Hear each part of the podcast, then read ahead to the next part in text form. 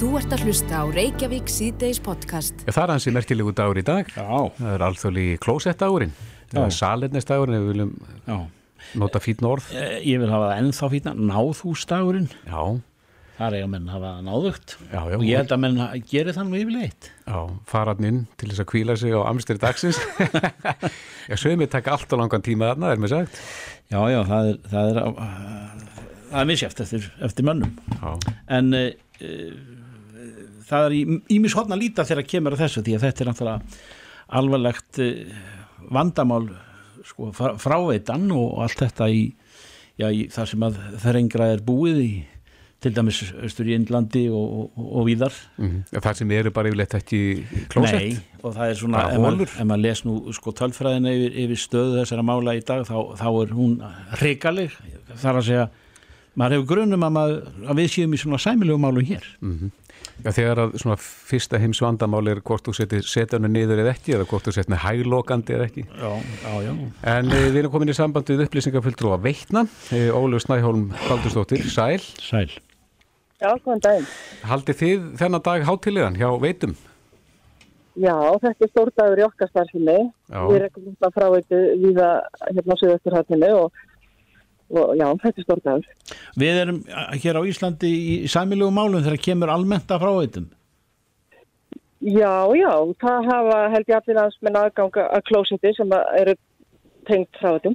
Já, einmitt En ef að, ef að sö- sögunni víkur nú inn á, á náðhúsin þá hafa þau nú tekið ýmsum breytingum Eh, það er það eru alls konar eh, þróun átt sér staði í, í því ég reyndar hefur hefur nú lesið af, af Japunum sem hafa lagt aldrei mikið upp úr því að hafa þetta herbeggi þar sem að þessi aðtöp þess fram að, að þar líði mannum vel Og allt sjálfvirt nánast? sjálfvirt og, og þvottur og, og, og svo Blástur?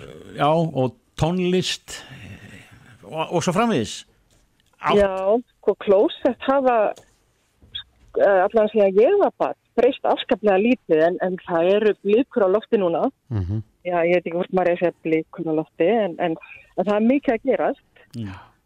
Því þeir að nefna Japanir eru þannig mjög framalega. -hmm. Ég veit ekki hvort þeir séu snirtilegri en aðrir. En þeir hafa allavega gert ímislegt. Já. Hvað er það nýjasta í, í þessu málum? Sko þið voru að byrja að nefna svona þessa tæknilegu hluti við klóstin sjálf. Mm Það er svona þetta klósett, þetta með reyðiskinjara, úðari með góðri lykt, bluetooth hátalarar, það má alls ekki mis, uh, missa sín á góðu klósetti, Nei. þetta slutur. -hmm. En það sem að ég er kannski hrifnust að sjálf er að einhverjir eru að framlega sjálfseinsandi klósett, Já, sem að reynsa sér sjálf. sem þeim þessi sjálf. Já, Þessu mikill lúksus er það. Já, það er slegið sem það verka á mörgum heimilum, stilt mér. Ekki mjög, ekki mjög. nei já. Nei, en svo er bara að koma sem sagt, miklu, miklu meiri tækni heldur en sem snýr kannski beint að þægjendum notandans eins og ef ég nefndi skólinu og þurrkun og, og slíkt. Já, Nú erum við farin að sjá klósett sem eru bara greiningatæki, þau skoða það sem að koma frá okkur og, og geta sagt okkur ímislegt Já. um ástand líkamanns. hvort það vant ykkur vítamín og svona, eða? Já, og sjúkdóma og annan líkmund ástand og, og við erum komin lengra í þessu heldur en fólk heldur almennt veit. Já. Eh, Það, Panasonic setti helsuklósett á markaðinni fyrra, Mm það mælir blóð og prótín og fleiri svona helsuvísa í þvæginu. Við getum það svona sagt til um ástand líkamanns og líka fytuprósentuna sem við erum náttúrulega öll að horfa á. Já, og byrtist þetta á, á bara um hæl niðurstöður eða á skjá Nú veit ég það ekki, nú veit ég það ekki, ég hef Nei. aldrei séð það og, en ég veit af þessu klóstu. Svo er upp Japans fyrirtæki sem er að framlega klóset fyrir spítala og það hérna mælir eða kraftin í, í þvagbununni mm. Og ef að það er einhver frávik þá getur það bent til vandamála í blöðru eða blöðurhálskirkli Mm Nú, og fí- hérna er ekki einhverjir að mæla einhverjir að mæla fíknefni ne, Neslu Em, ekki klósett sem ég veit af. Google mælir, eða klósetti mælir blóðþrýsting, þeir eru konum engaleg á slíku. Mm en, en það hafa verið gerða rannsóknir í frávítunni sem sagt þá bara í þessari sameilu þar sem að þetta kemur allt saman frá öllum með til dæmis fíknefni hér á landi. Við getum séð allt í frátinni. Allt sem að fólk er að gera það sést í frátinni. Hva, hvað eru þið að mæla á, af því sem að kemur hérna í gegn? Við erum ekkert að mæla, ekki, ekki svona efni. Nei. E- Ekki, ekki fíknefni eða B-vitamin eða eitthvað slíkt. Sko, við erum að gera það. En það hafa verið gerðar samt rannsóknir. Mm. Já, En, svona einhverja stikkpröfu bara annars lægið. Já, svona stikkpröfur. Það, það var, held ég, verkefni upp í háskóla, hvort það var ekki bara hérna, lokaritger. Hún skoðaði innihald í frátunni, eða skoðaði fíknefni og það voru áhugaverða niðurstöður. Hún tók svona stikkpröfur og, og mældi magn fíknefna sem að, að fundist í sínunum og, og við gáttum þar séð til dæmis hvenar uh, borgarbúar og, og gesti borgarna voru að nota mest af fíknefnum. þessi eh, nýjasta tækni og ísindi í, á náðhúsum er, er þetta bundi ákveðnum eh, já, svæðum í heiminum og eru við duglega til einhver okkur þetta? Er þetta til orði á markaði hér eða svona stefnir í það? Nei, við erum ennþá bara kannski að treyfa okkur áfram með að skóla og þurrka held ég. Já. Uppbyttaðar setur. Ég held að við séum ekki komin neitt mikið lengra. En er það ekki skrítið með við hvað við erum tækja og þjóð að við séum ekki komið lengra þarna? Jú, við erum tækjaðu þjóð en náum við að slá Japunum við? Ég held ekki. Nei, en, en nú getur maður ímyndað sér það að, að þetta sé gott til dæmis fyrir eh, þá sem eiga, eh, já, eru styrðir, jáfnvel sögum aldurs eða eitthvað slíkt, að þetta sé ekki meiri myndi inn á hjúkunarheimilum, myndi spara nokkuð spórin þar. Já, meinar það sem eiga er að setjast niður að að svona er heifanleg. Já, eða þú veist sem að, sem að steinir og, eða spúlar og, og þurkar. Já, já, það, það er rétt. Það getur kannski líka já, sparað í starfsmannahaldi og annars því. En myndi það ekki líka eh, vera gott fyrir eh, það er að kerfið sjálft, það er að þetta myndi minka þá það magna af eh, þurkum og, og pappir sem að fer að nóðan í? Jú, ef allir færi að skóla og þurrka. Já, Það væri rosalega gott fyrir fráveituna og sérstaklega þegar fólk er að nota blöyturkunar sem við viljum alls ekki sjá. Já, en allir þetta sé ekki neðarlega á lista yfir, á innkaupa listónum hjá helbriðismála yfirvöldum hérna svona Jú, en það, veist, það gæti fara að breytast með hvað þessi klósett eru farin að geta gert Já. og hvað við sjáum til að við getum gert. Ef við erum farin að greina líkams ástand fólks já, og svo kannski hægt að senda þessar upplýsingar þráðlaust í einhverja gagnagrunna og, og við getum fengið upplýsingar úr líðhelsu þjóðarinnar, hvar þarf að taka til hendinni. akkurat. Það er til dæmis og það má greina smitsjúkdóma, ná í rassin á þeim áður en þeir kannski ná mikill í útbreyslu. Það er ímyndilegt sem má gera. já, maður getur sé uh, sko, alveg gríðarlegt hagraði fólkið í þessu sem að Já, það, og, og grunnupplýsingarnar af náðhúsinu já, og svo eru við mikið núna öll að spá í að mæla heilsun okkar, við erum öll með heilsúr til að sko hjartsláttinn og, og reyfinguna og allt það. En, en ef að klósettin eru farin að greina svolítið stöðuna á okkur þá eru þau miklu, miklu betri heldur en þessi úr, maður gleymir ekkert að fara, að fara á klósetti, en maður getur glemt í að setja á sig slíkt, en, en klósettið það er alltaf í notkun. Já, við erum komið með jólagjöfuna 2020, já, heilsuglósett. Er ekki að slá því bara föstu? Já, við skulum slá því þessu Ólaf Snæjón Baldurstóttir það fáum að leita til þín í náinni framtíðum um öra framvindu í þessum málfólki Já, endilega gerir það Takk fyrir kjallaða Bless. Þú ert að hlusta á Reykjavík C-Days podcast. En dagur íslenska tungu var um helgina og e, fórseti Íslands var stattur meðal annars þar sem var verið að kynna e, verkefni sem að ber nafnið Embla. E, Viljarmur Þorstensson og Katla Ásístóttir frá Miðeind eru komið til okkar, velkomin. Við höfum svolítið talað eh, um í þessum þættu um íslenskuna og nöðsinn þess að koma íslenskunni inn í tækin okkar. Það eru nógu mikið um það að við séum að spjalla við tækin á ennsku. En uh, byrjum við þér Viljamur, Embla, hvað, hvað er Embla? Embla er íslenskt RAD-app, Mhm. mm þetta er app sem að er hægt að setja inn á síma hjá sér, iPhone eða Android síma og hún, þú getur talað við hann í íslensku, þú getur bæði sem sagt, sagt eða spurt hann á íslensku og hún svarar á íslensku. Mm Og getur þú spurt um hvað sem er? Nei, það er nú ekki alveg hvað sem er, en það er ímislegt, það er hægt að spyrja hann um veðrið og gjaldmiðla og staðsetningu, uh, það er hægt að spyrja hann um fólk og, og fyrirbæri, Mm það er hægt að spyrja hann um fróðleik upp á Wikipedia. Og svo er hún bísnasleip í strætó hún veit ímislegt um strætó hvernig strætó kemur og meira segja veit um hvort að strætó er setn eða, eða, eða Mhm. Þannig að, og, og svo mun bætast við þetta mengi eftir þess að við höldum áfram og þróum emblu. Hvað getur þú hérna sagt flókna setninga við hana? Skilur hún alveg íslenskunar eða brennandi? Nei, ég veit ekki einhvers konar langar setningar en hún skilur svona spurningar sem að geta verið þokkalega flóknar mm. og hún eins og segi kann íslensku þannig að hefur ekki bara taka dæmi Já. Hvernig er veðrið á vopnafyrði? Á vopnafyrði er 0 stiga hiti og. Já. Eh, Þetta spurði ég hvernig er veðrið á vopnafyrði en hún veit að ég er að tala um stað sem heitir vopnafjörður Já, og það er að- það sem hún slær upp í garnagrunum hjá sér. Að hún er með fallbeigingar á hreinu. Já, já, hún kann sem sagt íslenska málfræði bísna vel. Já, já. En ef þú spyrir um strætó, getur þú spurt hvað er leið 14 núna? Já, ég get spurt til dæmis hvaða hvað er næsta stoppustöð? Næsta stoppistöð er Laugardalshöll. Þangað eru 200 metrar. Já, þannig að hún veit hvar þú ert núna. Já, og hún reiknar út frá því hvað næsta stoppustöð er og svo get ég líka spurt uh, hvaða strætó stoppar í Laugardalshöll? Strætó nummer 2, 5, 15 og 17 stoppar á Laugardalshöll. Já, Já, það- Hún er fróð. Já, hún er það. Kalla, hva, hvað er embla komin víða? Er margir, hún er að, Já, við vorum sérst að eh, hérna, opna fyrir skráningu í betaprófin núna uh, á laugardaginn og það er í rauninni enginn komin með uh, appið bestu sem komið er Nema, bestu vinnur okkar? Já. nema einhver lítill hópur af vinum okkar Margir sér býða spendir. en það verður væntalega uh, sendur út tölvupóstur í kvöld eða morgun Mm sem að berst þeim sem að eru nú búin að skrá sig Já, já. E, Er þetta ætlað fyrir allan þar sem geta börn eh, notað þetta?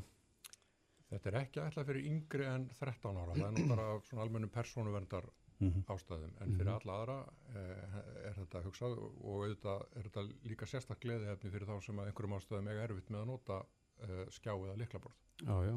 Til dæmis sjónskerta og, og Lesblindir eða... einmitt. En uh, að því að nú eru börnin að, að nota mikið enskuna, uh, ég og eina nýjára sem að talar betri ensku en, en ég nánast og mér hefði ekki getað dreymt það nýjára að tala svona góða ensku. En þetta tengi ég við tækin. Það er YouTube og Netflix og, og spjall Já. við Google Home. og við getum nú kannski alveg sagt að þetta er ekki skadlegt börnum Nei, en, hérna, en það er tölvert lengra og erfiðara ferli að fara með svona börn sem, nei, sérst, forrið sem eiga að vera ætluð börnum yn- yngri en 13 ára. mm Þannig að við tókum bara þessa ákverðun já, en strákurinn minn er búin að vera að pröfu þetta og, og frængur hans og, og þetta veldur, embla veldur mikill í kátínu hjá yngri nótendum. já, já, akkurat, til skil það. En hver, hver sækjur þessar upplýsingar? eins og þessar upplýsingar með strætó. Ekki eru þetta bara almennar upplýsingar inn á, inn á Google? Nei, hún er að sækja þessar upplýsingar víða að, ef, ef þú spyrður hann um gjaldmiðla þá sækjur hún það frá bönkunum, ef þú Mhm. spyrður um strætó þá er hún að ná í það frá strætó, við erum með samkomulag við strætó um að fá gögn uh, um áhællanir Mm og meira sér um rauntíma gögn hvar strætóin, strætóarnir eru akkurat núna. Út frá því getum við einmitt sagt er hvort að strætó sé á setn og það er nú reyndar held í fyrsta sinn sem að þessi rauntíma gögn komast í notæft form fyrir almenning. Þannig að það er allavega líka nýjung. En, en svona framtíðan nótkun, uh, hún nefndir hérna áðan að, að hugsanlega vera þetta að panta leigubíl með appinu. Já, þetta er, þetta er svona opin arkitektur sem við erum með, þetta er opin hugbúnaður er, og, og það er hægt að smetla inn í hann nýri virkni, Mm uh, bæði getum við gert það og líka forritarar fyrirtæki og stofnarar út í bæ geta komið með nýja virkni inn í appið og hugmyndin er svo að það, það er ímislegt sem hægt verður að bæta þarna við, til dæmis að panta sér legubíl eða panta sér bíómiða eða Pítsu. panta borð á veitingastað, já, eða Mhm. pítsu uh, við sjáum fyrir okkur að, að fólk mun fara að nota röddina meira og meira til þess að tala við tölfur, Mhm. en það er það auðvitað okkar náttúrulegasti samskiptamáti. Já, nú eru margir fannir að nota tæki, það er að segja Google Home og, og uh, Alexa er, er mjög vinsar líka. Uh, sjáu þið fyrir ykkur að, að þetta fari inn í ykkur slík tæki? Er, er samstarfið Google eða Apple á tekniborðinu?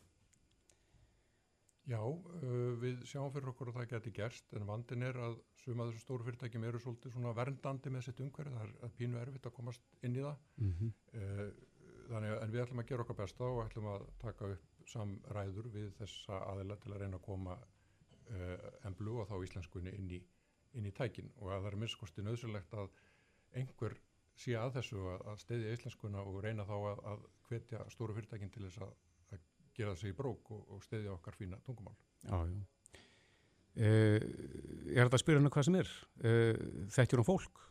Getið spurt hver er fósett Íslands eða? Já, þú getur spurt hana að því. Vilt þú kannski taka sínudæmi?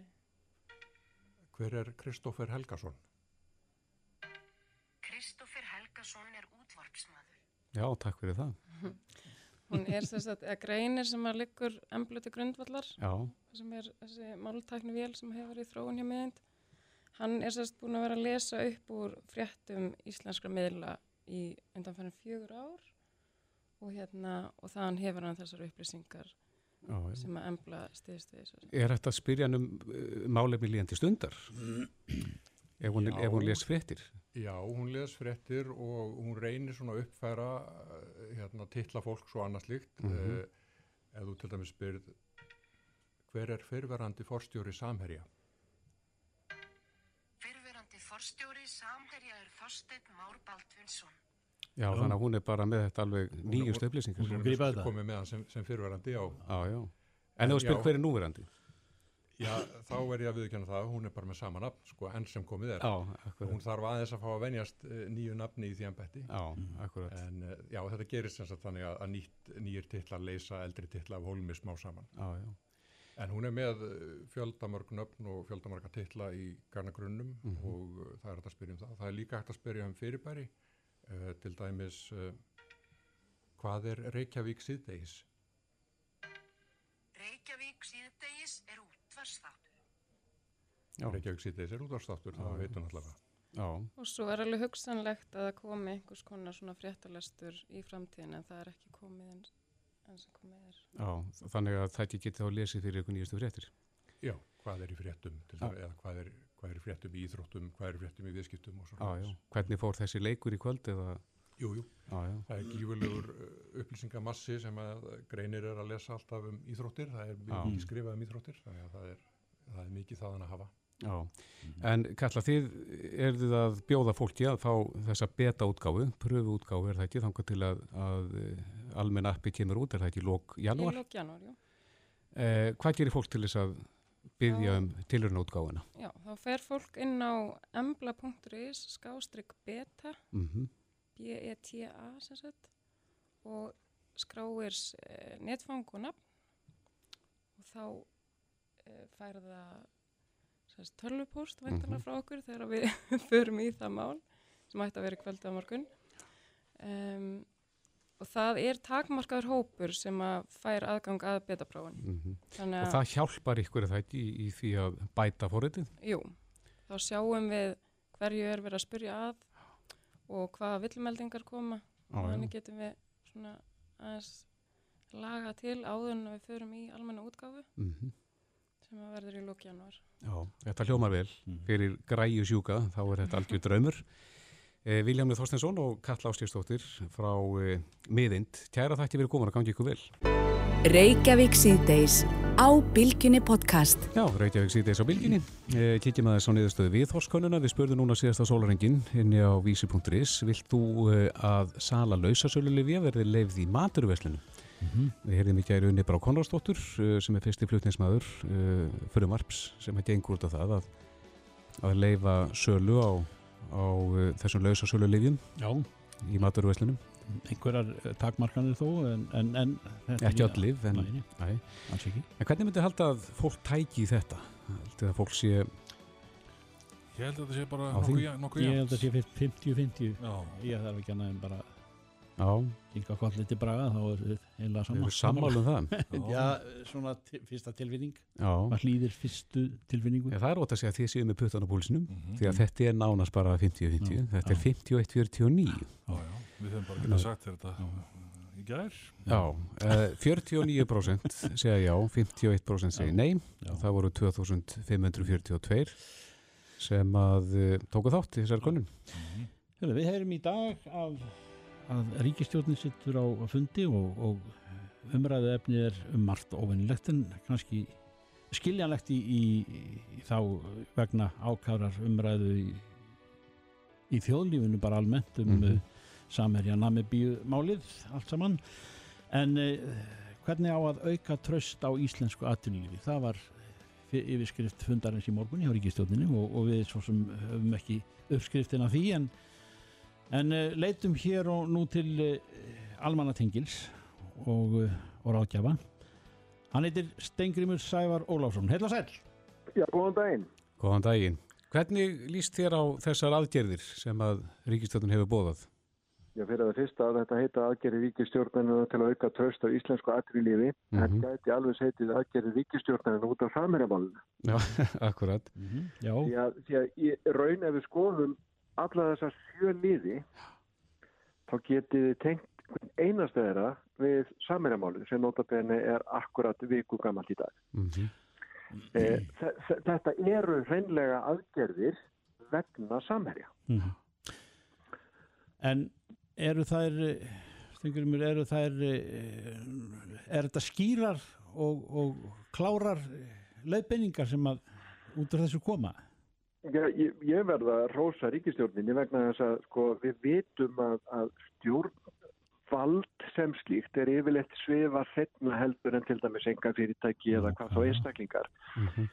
Það er vika sér þetta mál komu. Mér finnst það alveg eiga, sko, við getum rosa ríkistjórnin finnst mér fyrir það að bregðast svona við vegna þess að þetta er tiltölu umfóngsmikið. Mm -hmm. Og það að, að viku eftir að þetta, sko, og mér segja tæpiri vegna þess að þetta er um, á þriðutags kvöldi, mm -hmm.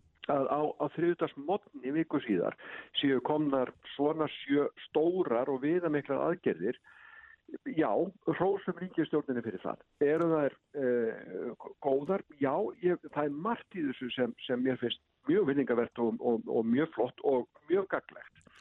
En, en tilefnið er líka til þess. Mm -hmm.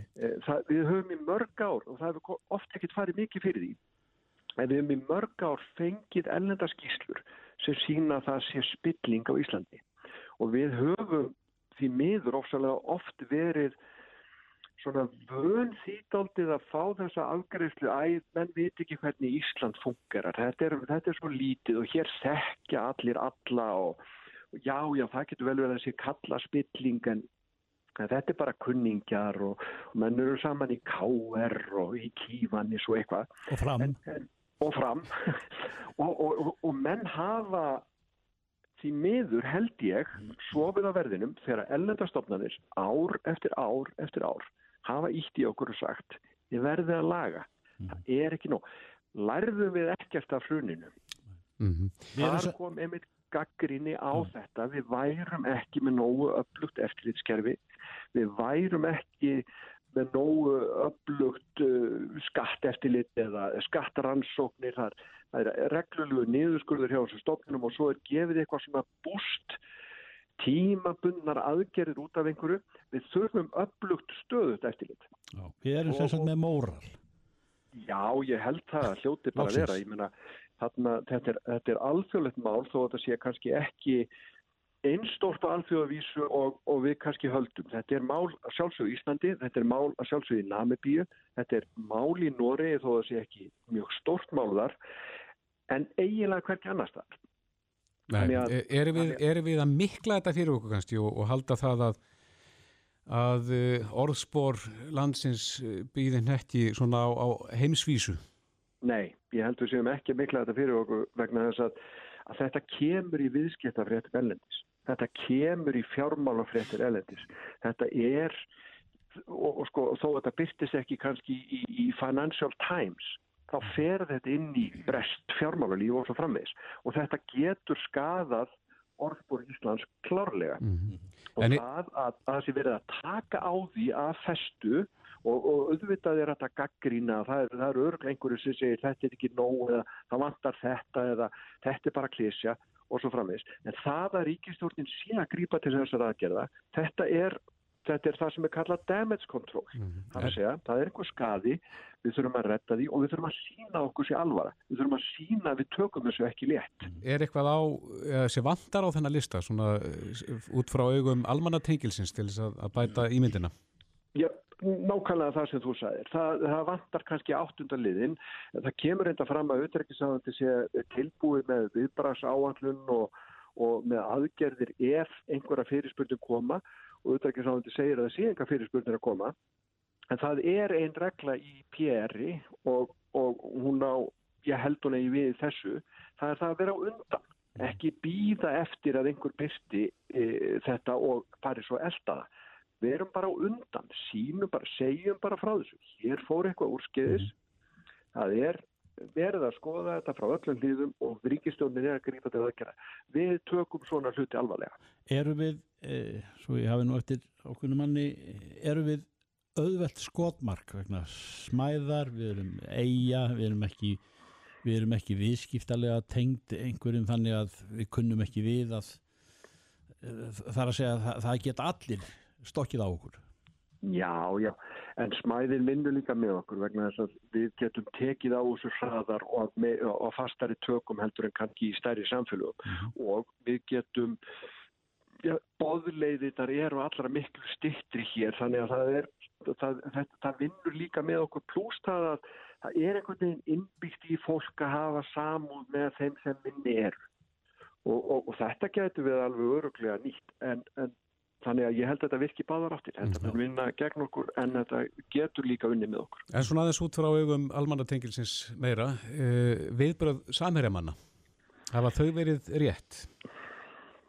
Sko, þetta er alltaf álutamál vegna þess að það er svo stór hluti af því starfi, því pérstarfi sem fer fram. Það fer fram undir yfirborðinu og, og, og hérna kemur kannski ekkert uh, alltaf berlegi ljós. En Ég, ég, ég veit ekki almennilega hver PR-strategían sko í sjálfu sér er þarna eh, vegna þess að sko þeir hafa í raun og verið ekki svarað almennilega fyrir sig og, og, og ég hef yfirleitt sagt mínum kunnum að fyrstu tvær reglunar í, í öllu þegar það er eitthvað krísa eða neyðar ástandi eða eitthvað, eitthvað svona stórt að gera sem er neikvægt mm -hmm. að muna að regla nummer eitt er að segja sannleikan, regla nummer tvö er að ljúa ekki. Það er mitt. Þriðja reglan er þessi, síndu auðmíkt og ég hef ekki alveg séð þá auðmíkt. Ég hef ekki séð, það er að segja að hún hefði átt að koma til mjög miklu fyrr. Af hverju, sko, þeir fá, þeir fá fyrirsput frá kveiki og stundinni löngu áðunni þátturinn er byrtur sem þýðir að þeir hafa haft einhverjar vikur til að undirbúa aðgerðir og geta þá komið fram af auðmíkt og ef ef svo er, vegna það er alltaf ekki búið að sanna neitt, það er bara komið fram ásaganir og, og gögn og bíspenninga, það er ekki búið að sanna neitt í þessu váli. En Stengrimur, er, er ekki, fyrir að brenna þetta tíma, er ekki hins vegar bránauðsynlegt í þessari stöðu að fara með þetta prógram, það er komið, Ríkistjóðin er komin í málið og það er alveg komin í þetta, að þetta sé rannsakað á með tíma. Jú, það kom ekki eins og eftir hrun nokkrum árum síðar bóða til blamannafundar og, og, svona sumir skella við skollærum vegna þess að það er allt liðið og Jó, þetta væri bara eins og ef við hef, hefðum hérna Eurovision-kættina þannig að hún fer fram í mæ og svo fáum úrslit við september. Já, það er nú, nú stundum viljað brenna við hjá okkur. og þá hugsa allir, ég man ekkert hvernig þetta við, vinningslag var. Þannig að það er líka málið. Hér eru alvarlegar ásakarnir. Það er gott fyrir samherja, það er gott fyrir Ísland og það er gott fyrir alla að hlurinn komið sér fyrst og verður sem skýrust. Þannig að ég er algjörlega samanlega þorgir, hraðin skiptir máli. Það er mitt. Stengurumur, Sævar Ólafsson, Almanatengil. Kæra þakki fyrir þetta. Takk fyrir mig. Þetta er Reykjavík C-Days podcast. Já, Reykjavík C-Days á bylginni. Það byrtist fréttin á vísi.is núna um helgina. Það sem að segir að breyðablík hyggst leggja af skallæringar fyrir börn yngri en 12 ára. Já. Og það hefur náttúrulega mikið verið rætt um mögulega áhrif skallabólta á fólk. Við talaðum ekki um svona þegar að kannski lengra er komið inn í feril eða, og, og náttúrulega þegar að börn eru eða eitthkendur eru á barsaldri að þá er þetta svæði náttúrulega miklu viðkvæmara Já, já, og þetta hefur verið og ekki ástæðalös gríðarlega mikið í umræðinni maður veit á, á Norðurlöndin til dæmis Mhm. og Íslendingar sem þar hafa verið íslenskar stelpur Mhm. fótboltanum til dæmis og, e, og og svo er svona, fleiri hafa bæst í hópin og, og, og, og, þeir hafa gengið til vers Hákon Sverrisson yfir þjálfari hjá Breiðarbyggi og félagar Já, og hann er á línunni, kom til sæl. Sælir Já, komið sannir. Já, hver eh, var ástæðan fyrir því að þið ákvaðuð að, að ríða vaðið? Já, það er nú kannski bara þessar rannsóknir sem hafa verið að koma fram um uh, áhrif sköllunar og, og á, áhrifin á, á, á, á ungmæli, börn og ungmæli. mm. Já. Það er rannsóknir frá Ameríku og, og við höfum svona verið að fylgja því bara eftir. Mm Hafið þið fengið viðbrögð? Já, við höfum fengið einhverju jákvæða viðbröð fyrir þessu. Mhm. Og þetta er í sjálf og sér ekkert hérna, uh, ekkert þannig, við erum að, að, að, höfum ekki verið mikið í sjálf og sér að skalla og, og flest félag á landinu eru ekki mikið með skallaðingar. Við erum rauninni að stíga þarna beint fram og, og, og segja bara við fólk að við tryggjum það að börnin eru ekki endur tryggja að, að þjálfa sköllum. En fyrir þá sem ekki þetta, hvernig eh, ganga svona skallæfingar fyrir sig? Er myndu ganga þannig fyrir sig, fyrir yngstu krakkana, það væri verið að henda boltan stuttu færi, endurtekið og æfa það að, að hitta boltan með enninu Mm og spenna líkamann og vera svolítið stífur í líkamann þannig að þú getur hitt boltan vel og meiðir þið ekki. Ekki við að, og þetta gerum við annars lægi, höfum við gert kannski, en, en við erum að leggja þetta alveg af núna og höfum ekki gert mikið undanferðin ár. Er það ekki líka uh, þegar að bolta er hendi átt til þín og, og, og þú slærð til höfðinu til þess að beina honum í rétta átt. Get, getur oft verið dundur fá, Já, já, og þá er, er, er hálsinn viðkvæmari og hann er hérna lausari Mhm. þannig við, en, en á móti þarfstu líka að kenna þetta rétt þegar allt í kemur. já, Þú þarf að kenna þetta þannig að þú sért með uh, hálsinn stífan -hmm. og hittir hann á réttum stað, þá áttu ekki að meða þig. Nei. En, við höfum heldur ekki blanda þessu saman við, við þessa árækstar sem hafa verið í umræðinu líka, Já, það sem að höfu skella saman. höfuð skella saman Mm og þá er það annar þáttur í þessu öllu saman. Já. En uh, vilja mig ganga kannski lengra og, og banna skalla innan 12 ára? Bara í leikjum líka það eða? er, það er erfitt að, gera það raunar. þetta er svona partur á leiknum eða koma háir boltar og, og, þú bregst hann við að þú getur nikkað hann til hliðar Mm eða áfram þá er rauninni gerur það í flestum tilvökum en þá er náttúrulega hættan á því að, að, að þú lendir í árekstrum. Og það er svo orðið annar þáttur að vera kannski ekki varum umhverfið sitt. Já, í þessum skalla einvígum, svo Já, og þá ertu ekki alveg varum það. Hver, hver er við hliðanaður, hver er fyrir afstæðið, fyrir framaðið og þá getur líka lent í árekstrum mm. en, en að skalla boltan af stuttu færi er hérna, eitthvað sem við þurfum að kenna frá 12 ára aldri. já. En Hákon, heldur þú að, að, að svona fórustumenn í, fótboltanum í, í þjálfun og þá einhverjum þeirra yngri séu með þetta á, á, á dagskrá hjá sér? Já, ég held að svona flest félög eru Já. ekki að, að þjálfa sköllun mjög mikið Nei, og ég held að, að þau muni gera það í rauninni áfram og taka það bara skrefið og vonandi með okkur. Hefur þið heyrt af Í því? Í þessa átt. Já, hefur þið heyrt af því? Ég hef heyrt- heyrt aðeins að því, já. mm. Hafa menn verið að setja sig í Já, já. samband við þig hjá öðrum félögum? Já, og, Já, já, kollega mín hafa verið að setja þessi samband og, Já, já. og spyrja út í þetta og, og, og, en, en staðarindin er bara svo að, að við erum ekki að þjálfa þetta mjög mikið á Íslandi Nei, en við erum bara að taka af alla vafa. já, já. Er þetta þróunin víða erlendis líka? Já, okkur sýnist það á Norðurlöndum og, og Skotlandi og sérstaklega í Ameríku þá er þetta orðið, orðið mikið Já, þeir hinn er yngstu. Já, fyrir þessi allra yngstu og jafnvel mm. farið ganga svo langt að, að banna þetta Já. en við þurfum bara að fylgjast með rannsóknum og, og hvaða hérna, hvað þær uh, hafa í för með sér Færast þær, færast þær í vöxt rannsóknir á þessu þannig sem hægt er að byggja betur á? Nákvæmlega og okkur sýnist uh, rannsókn sem er að koma frá Skotlandi og Ameríku sé að gefa þetta til kynna að, Mm að endur tekin sköllun eða endur tekin áreiti á höfðu, það getur haft, haft skafanlega áhrif. Já, já, já. Þá þurfum við að bregðast við því. Og þeir, leikmennandi sjálfur, þeir taka því? Já, já, við viljum líka bara að sjálfsögur en að spila bortanum á jörðinni og halda honum þar en, en, það getur vel verið að koma upp eitt eða tvö aðtöki leika sem þarfst að skalla boltan en við erum ekki að þjálfa það upp að, að, að, að, að hafa boltan í loftinu. Nei, það er alveg á hreinu. Já, uh, vel tilfundi hjá okkur og, og, það er að fylgja eh, bara raunhæfri leið í þessu og, og ma maður verður varfið það. Það er, það er æg fleiri að gefa þessu gauðum og það er fleiri Já, íþróttum. Já, já, nákvæmlega og ættu fleiri að skoða þetta. Já. Hákon Sverrisson, yfir þjálfari hjá Breiðabliki. Kæra þakki fyrir þetta. Takk fyrir þetta, Hákon. Takk leiðis Bless, bless. Bless, bless. Þú ert að hlusta á Reykjavík C-Days podcast. Já, Reykjavík síðdeis á bylginni. E, fyrir helgina síðustu varð alvarlegt umferðarsleis á Suðurlandsvegi þar sem að e, flutningabíl og, jeppi e, lendu saman. Gagstæðum Með- áttum. Já, með hörmulegum afleggingum og, og þetta svona vekur upp þá spurningu með þessa hættulegu stúta hérna út úr borginni e, og nöðsinn þess að aðstilja aksturstefnur held að það sé nokkuð ljóst og, og sorglegt að svona alvarleg slis þurfi að verða til þess að, að koma þeir umræða stað aftur og aftur.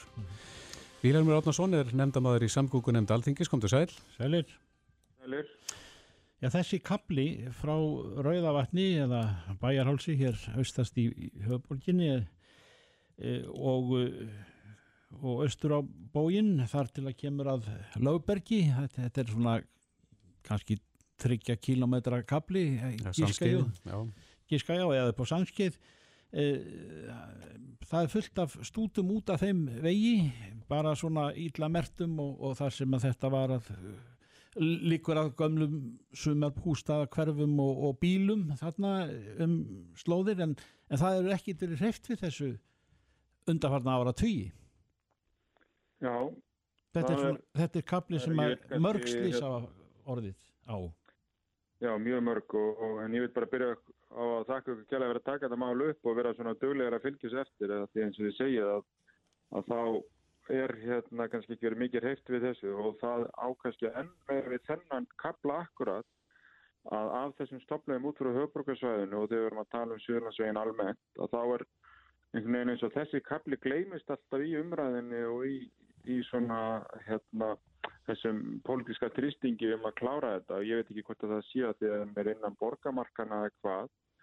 En sko, sangan sangunga áallinu heiti þessi kapli Norlinga var fossálsar og erum held ég í heldina með öllum frangandunum hérna 8 km langur og kostar um 4 miljardar að klára að laga. Og þetta er ekki á daskra fyrir næstu 10 ár. Er það ekki allt og langur tími? Það er bara allt og langur tími og hann er, var á fyrra dagskranu með þá samgöngáallin sem við kláruðum síðastliði vor. Af því að það var alveg augljóst í þeirri vinnu sem er, þegar við fyrir ári síðan fengum samgönguáallin undir þingsins og var ekki gert ráð fyrir að klára þess að þrjá stoppveitur út frá höfbruksæðinu. Að við myndum aldrei geta að klára samgönguáallin frá alþingi í nefni sátt nema að það væri búið að finna leið þess að fjármagna þessar stoppleiði þrjár allar út frá höfuborgarsvæðinu og næstu 5-6 árum á hámerki. Og þess vegna voru það mér mikil vombriði að sjá drög í samráðskáttu nýri langtíma áallin þar sem að þess bara að færa þennan kapla á fleiri á þessum stoppbrautum aftur en 10 ár. Eiginlega alla kaplana nema kampar varma. Já og þetta er alls ekki fáfærin vegur og, og sér langa slísasögu bara mann eftir því bara fyrir 20 árum þá að tala, verið að tala um þetta og, og var, var nú til þess að var gert þarna ringtorg við, við Rauðavatnið og, og, og sem sagt eh, búin til greiðleginir í Breiðholtin Já, þetta En svo ekki það meir. er alveg óþólandi að slísin þurfi til þess að íta og reyfa við málunum og svoleiðis á það ekki vera því við höfum slísa söguna jú, en við höfum líka annan mælikværi sem á bara að segja okkur hvernig þetta gera, það er umframagnir þannig. Þannig er yfir 10.000 bílar hverjum sólarring að meðtala yfir árið sem að keira og það er alveg augljóst að það sem að svo, svo mikil umferði er að þá er ekki hægt að býða með það að aðskilja ekstustöndum. Leið umferðin orðin svona mikil, leið hún er orðin komin, myndi ég segja, yfir 3.000 bílar á sólarring að þá þurfum við að fara að huga því að aðskilja ekstustöndum og þá hérna þegar við komin upp í 10.000 og lengi og eins og þið segið með all, allskins svona afleggjara því þetta er það nær nálagt höfuborginni að það eru allskins afleggjarar og, og, og, og vegir út frá þessum vegi að þá er enn mikilvægra að fara hratt í þetta. Þannig að, að þetta er bara forgansröðin en ég segi bara algjörlega þannig að, að samgöngu áallunin gerði, var lokið í februar með það að gert það ráð fyrir að- flýta frængvandum á þessum stopprautum öllum saman með aðskila axtustöfnur og það verður þá bara verkefni okkar aftur núna þegar hún kemur aftur til þingsins að- minna á þessa áherslu alþingis. að hekka eitthvað á spýtunni við þá áallun þar að segja var þá gert ráð fyrir að verkin er í fjármögnu með uh, vegtóllum eða eitthvað slíku Já, það var þannig að við höfðum um tvent að velja að það var að skila samgöngu áhullin með þeirri með við þá fjármunni sem var búið áætla á ríkisjóði til samgöngumála eða að hugsa út fyrir ramman og fara einhver aðra leiðir eins og, eins og veikjöldin til þess að ná að fjármagna mikilvægastu framkvæmdirnar en þá með þeirri leið að við værum að reyna að fá okkar erlendi gesti sem eru hluti af því akkur við þurfum að fara hraðar í svona framkvæmdir. Því að við vitum það að þetta er kannski ekki hérna, þungaflutningan er akkurat sem við erum að takast á við núna, heldur eru fleiri bílar og því meiri umferð sem er, því, því markvaldast hættan og framan á keislu ef eitthvað smáttur í gerist, einhver smá mistu gerast, þá er miklu, miklu meiri líkur á því að þú lendir framan á annari bifrið eftir því sem umfyrir neikst. Og það er það sem við erum að takast á. Það er miklu, miklu fleiri bílalögu bílar, það er, en ekki bara ferðamennin, þetta er líka við sem erum að búum hér í útjæðri höfuborgarsæðinsins, sækjum vinni into höfuborgarsæðinsins og öfugt og við erum með stóra vinnustátt á landi sem að fólk frá höfuborgarsæðin kemur til okkar eins og hér í Grindavík með blá og lóni annað slíkt, en þetta er í báðar áttir, þannig að atvinnusvæðin, það er alveg miklu meira umferð innan atvinnusvæða og þar að leiðandi er svo gríðarlega mikilvægt að fara í þessa frangandir. Þess vegna gjaldtöku sem við fáum þá okkar gesti til að hjálpa okkur að borga um alltaf 40% af frangandakostnanum. Við flýtum frangandunum. Þeir sem að aga veginn fá bæða hagræðingu minni elsnindisnótkun sem á það að vera hagræðingu umframkostnaðin en um leið au- aukið öryggi stytti tími umfyririnn og annars líkt. Þannig að, og, og hægt að það fara var ákvörðun það var ákvörðun sem alþingi tók eftir mjög mikið samtal við landslutasamtök sveitafélagun og sveitafélag og hægt á að fara í tvöföldun í staðan fyrir uh, 2 pluss 1 það sem að er mikið verið að leggja slíka vegi núna. Já, þá var hægt að flýta frænkandunum umtalsvert. Þá varum við að tala um 5-6 ári staðan fyrir 10-15 og þannig að, að það er mikil munur þar á. Og, og þá er hægt að gera þetta betur. Þá var hægt að hafa mislega gatnamót 2 pluss 2 vegi í staðan fyrir 2 pluss 1 og mislega gatnamótin í staðan fyrir hringtorkin og að það verða þá allir snarri snúningu. Það veri, við spörum gríðarlegan tíma, við spörum eigin elstendist notkun þannig að þó ef við þyrftum að borga 140 krónur eða eitthvað fyrir að keira um að þá minnum við spara bensinlítur upp á 200 krónur. Viljámar Átnarsson, eitt í blálógin en uh, bara með þetta, með þennan stút Suðurlandsvegin út, út frá höfuborgarsvæðinu uh, þetta er búið að vera svo langa lengi í umræðinu en aldrei í raun og veru nema lítilega við geithálsin sjálfan sem var, var svona uh, búin til auka aðrein fyrir þá sem að fara út af Suðurlandsveginum við, við geithals og þar hefur orðið mjög tíðslis, það verður svona svona krafsað í þetta hér og þar en, en aldrei hefur verið tekið á þessu í heilsinna maður hefur orðið var við það. Er, er það ekki þáttið undarlegt? Jú, mér finnst þetta nefnilega mjög undarlegt og ég hef reynd að vera að benda á þetta að mjög víða af hverju enginn hefur áhyggjur þessu, af hverju við leggjum bara áherslu sem er mikilvægt á veginn, Suðurlandsveginn austan, austan fyrir fjallið Mm. En, en, en við gleymum einhvern veginn alltaf að það er að klára þetta frá sannskeiðinu og, og neyriðu. Þó að sé búið tvöfaldar sumstæður upp á sannskeiðinu, þá er ekki bara aðskilja aktustandar alltaf leið ánga. Mm. Og þannig ég hef átt mjög erfitt með að skilja akkur þetta er ekki umræðinni að því að við erum við sambarlega með kapla eins og er þá hérna frá nýju gatnamótonum við krísuguvegin á Reykjanesbreytinni í átta kvassarhunni. Mm. Það er svona kapli inn, innan hérna bæjarmarka hafnafjörðar og hafningar hafa verið mjög duglegar að leggja áherslu á það. Og þannig ég er því fyrir mér hvort að, að, þetta tengist svolítið hvaða sveitafjörleg eru við veginn. Þannig að sveitafjörlegin fyrir austan fjall er mjög duglega að benda á Suðlandsveginn þar. Re- Reykjanesbær og Hafnarfjörðbær er mjög duglegar að benda á Reykjanesbrutina og Vestendingan er duglegar að benda á Vesturlandsveginn en það sem er innan veginn hefur ekki fengið þessa aðtikli. En, en ég hef verið að benda samt sveitafélagunum hér í, í aðri höfuborgarinn að veginn er alveg indi höfuborgarinn en það er það sem skiptir okkur öll máli. Viljámur Átnarsson, kærar þakki fyrir þetta. Herru, enn og aftur takk fyrir að taka málið upp og við reynum að vinna í þessu. Takk. Hlustaðu hvena sem er á Reykjavík C-Days podcast. Karl Gauti Hjaltarsson, þingmaður, uh, gerði málefni drengja og stöðu drengja að undalsefni á þingi. Karl Gauti er á línunni, kom til sæl. Sælir. Komið sælir og til hamingi með þennan dagstrákar. Já, sömu leiðis. Uh, hvernig metur þú stöðu Karlmannsins í, í dag? Ég hef nú verið að benda á það í, í bæði þarna á þingi og, og líka í greinum og, og fyrirlisturum að, að drengi verist, það er verið að stega undir höggasækja, allavega svona yngri, yngri hluti kallmanna, Mhm. drengir og ungi kallmenn. Uh, til dæmis nærtækt er þetta bara í skólakerfinu. Uh, þeim fer fækkandi þar og, og sérstaklega þessi múskrifast úr háskóla og og þeir falla frekar úr, út úr skólum, fram á skólum, eh, heldur en stúrkur, þannig að þeir verðast ekki finna sig, Nei, hver- ekki og stúrkurnar. Hver heldur ástæðan fyrir því sé? Það getur verið mjög margt, mjög margt og, og, og, og ímsar, ímsar uppástungu þar.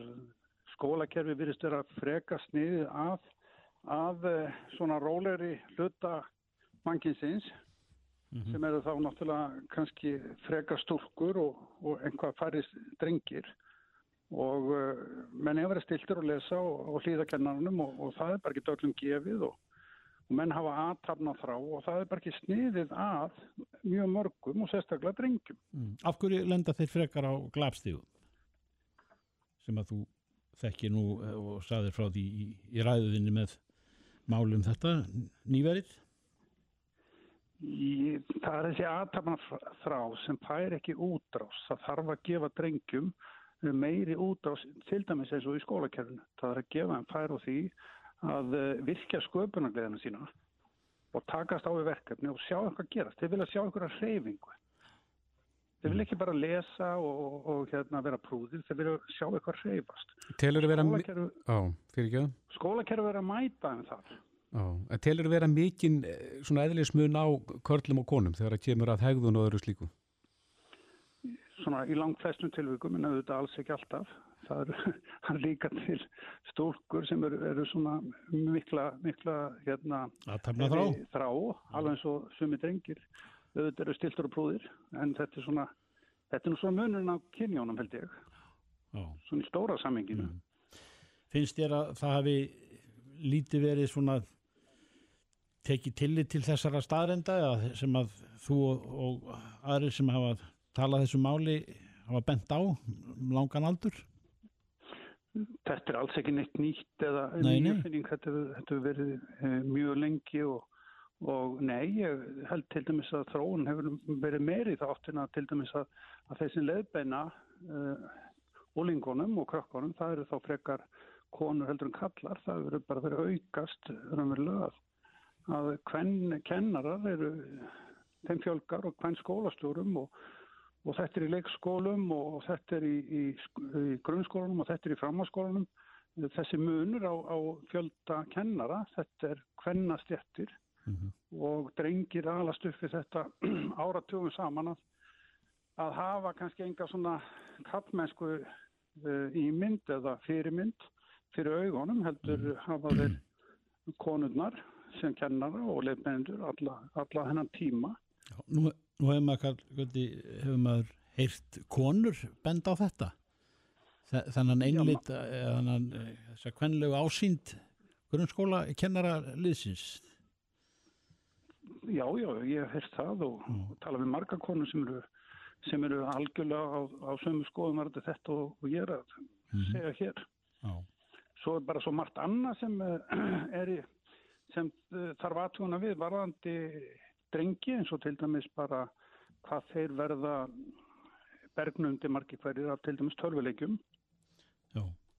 og uh, það kemur við fyrir að þeir stundan námið og svo framvegis og lenda jafnvel í einangrun og uh, ástunda auðvitað mjög óholt lífverðni eins og mataræði og hreyfingu sem fer auðvitað alveg fyrir ofangar og neðan þegar, þegar mennur í tölvunni kannski hæl og halvuð sólaringana sem endar auðvitað bara í einangrun og þunglindi og þetta er uh, algengar hjá drengjum heldur en stúlkum. Já, en svo, svo hefur líka verið bent á, á, á, á verknámið sem að hefur nú ekki verið kannski hjá okkur í skólasögunni burðugt í setni tíð en, en er að breytast heyri maður? það þarf að lifta verknáminu svolítið herra heldur en hefur verið. Það, erum verið sammálum það og, og nýjasta þar auðvitað og bera fagna því að líðháskólanir þeir eru nú að, að svona halda einrið sína í, inn í landið og þeim fjölgar og ég fagna því og það er svona ein, ein leið til að uh, fá drengi til að uh, nýta sína krafta og sína þrá til að uh, gera eitthvað öðruvísi eins og líðháskólanir bjóð upp á þannig ég fagna því Mhm. Svo er það líka kannski annað sem ég vil minnast á hérna, það er varandi klámvæðinguna. Ég tel að þetta aðgengja klámi sem uh, auðvitað með tilkomin netsins er orðið uh, barnalegur eitt fyrir, fyrir krakka sem eru jafnvel mjög ungir að uh, nálgast klám og gróft klám jafnvel og hérna og gerir held ég drengi uh, og hugsanlega stúrku líka auðvitað óöruga, Mhm. óöruga um sjálfan sig. Eitrar það þessa karlmennsku ímynd? Já, alveg, tímanlaust, þá til í það. Mhm. Þarna sjá drengir, já, vestur liðar kynlífsins Mhm. og ganga svo út í samfélagið og með brenglaðar hugmyndur um hvernig, eh, hvernig á að nálga sitt kynnið og, eh, og verða óryggi með sjálfa sig. En hvað er þetta að gera í því eins og segir að aðgengið er orðið svo óbáslega greitt? Það er orðið allt og greitt og þetta er nú held ég eina leiðin í þessu er, er, eru foreldarnir að uh, kanna það hvað uh, krakkarnir eru að skoða á Mhm. netinu. Þetta sé nú engin önnur leið. Nei.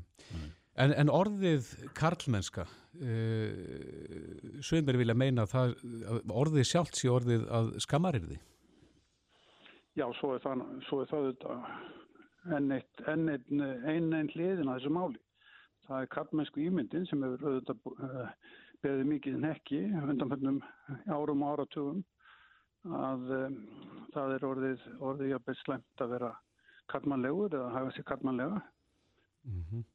En er það vegna... Eins og- er, er það vegna... hérna. Já, en, en er það vegna þess sem að þið, þú myndist hérna áðan að, að það eru öfgarnar, það er að segja uh, karlar leiðast frekar út í afbrott og svona allt þetta neikvæða sem að, sem að snýra að, að körlunum. Er það það sem að skapar þessa neikvæði ímynd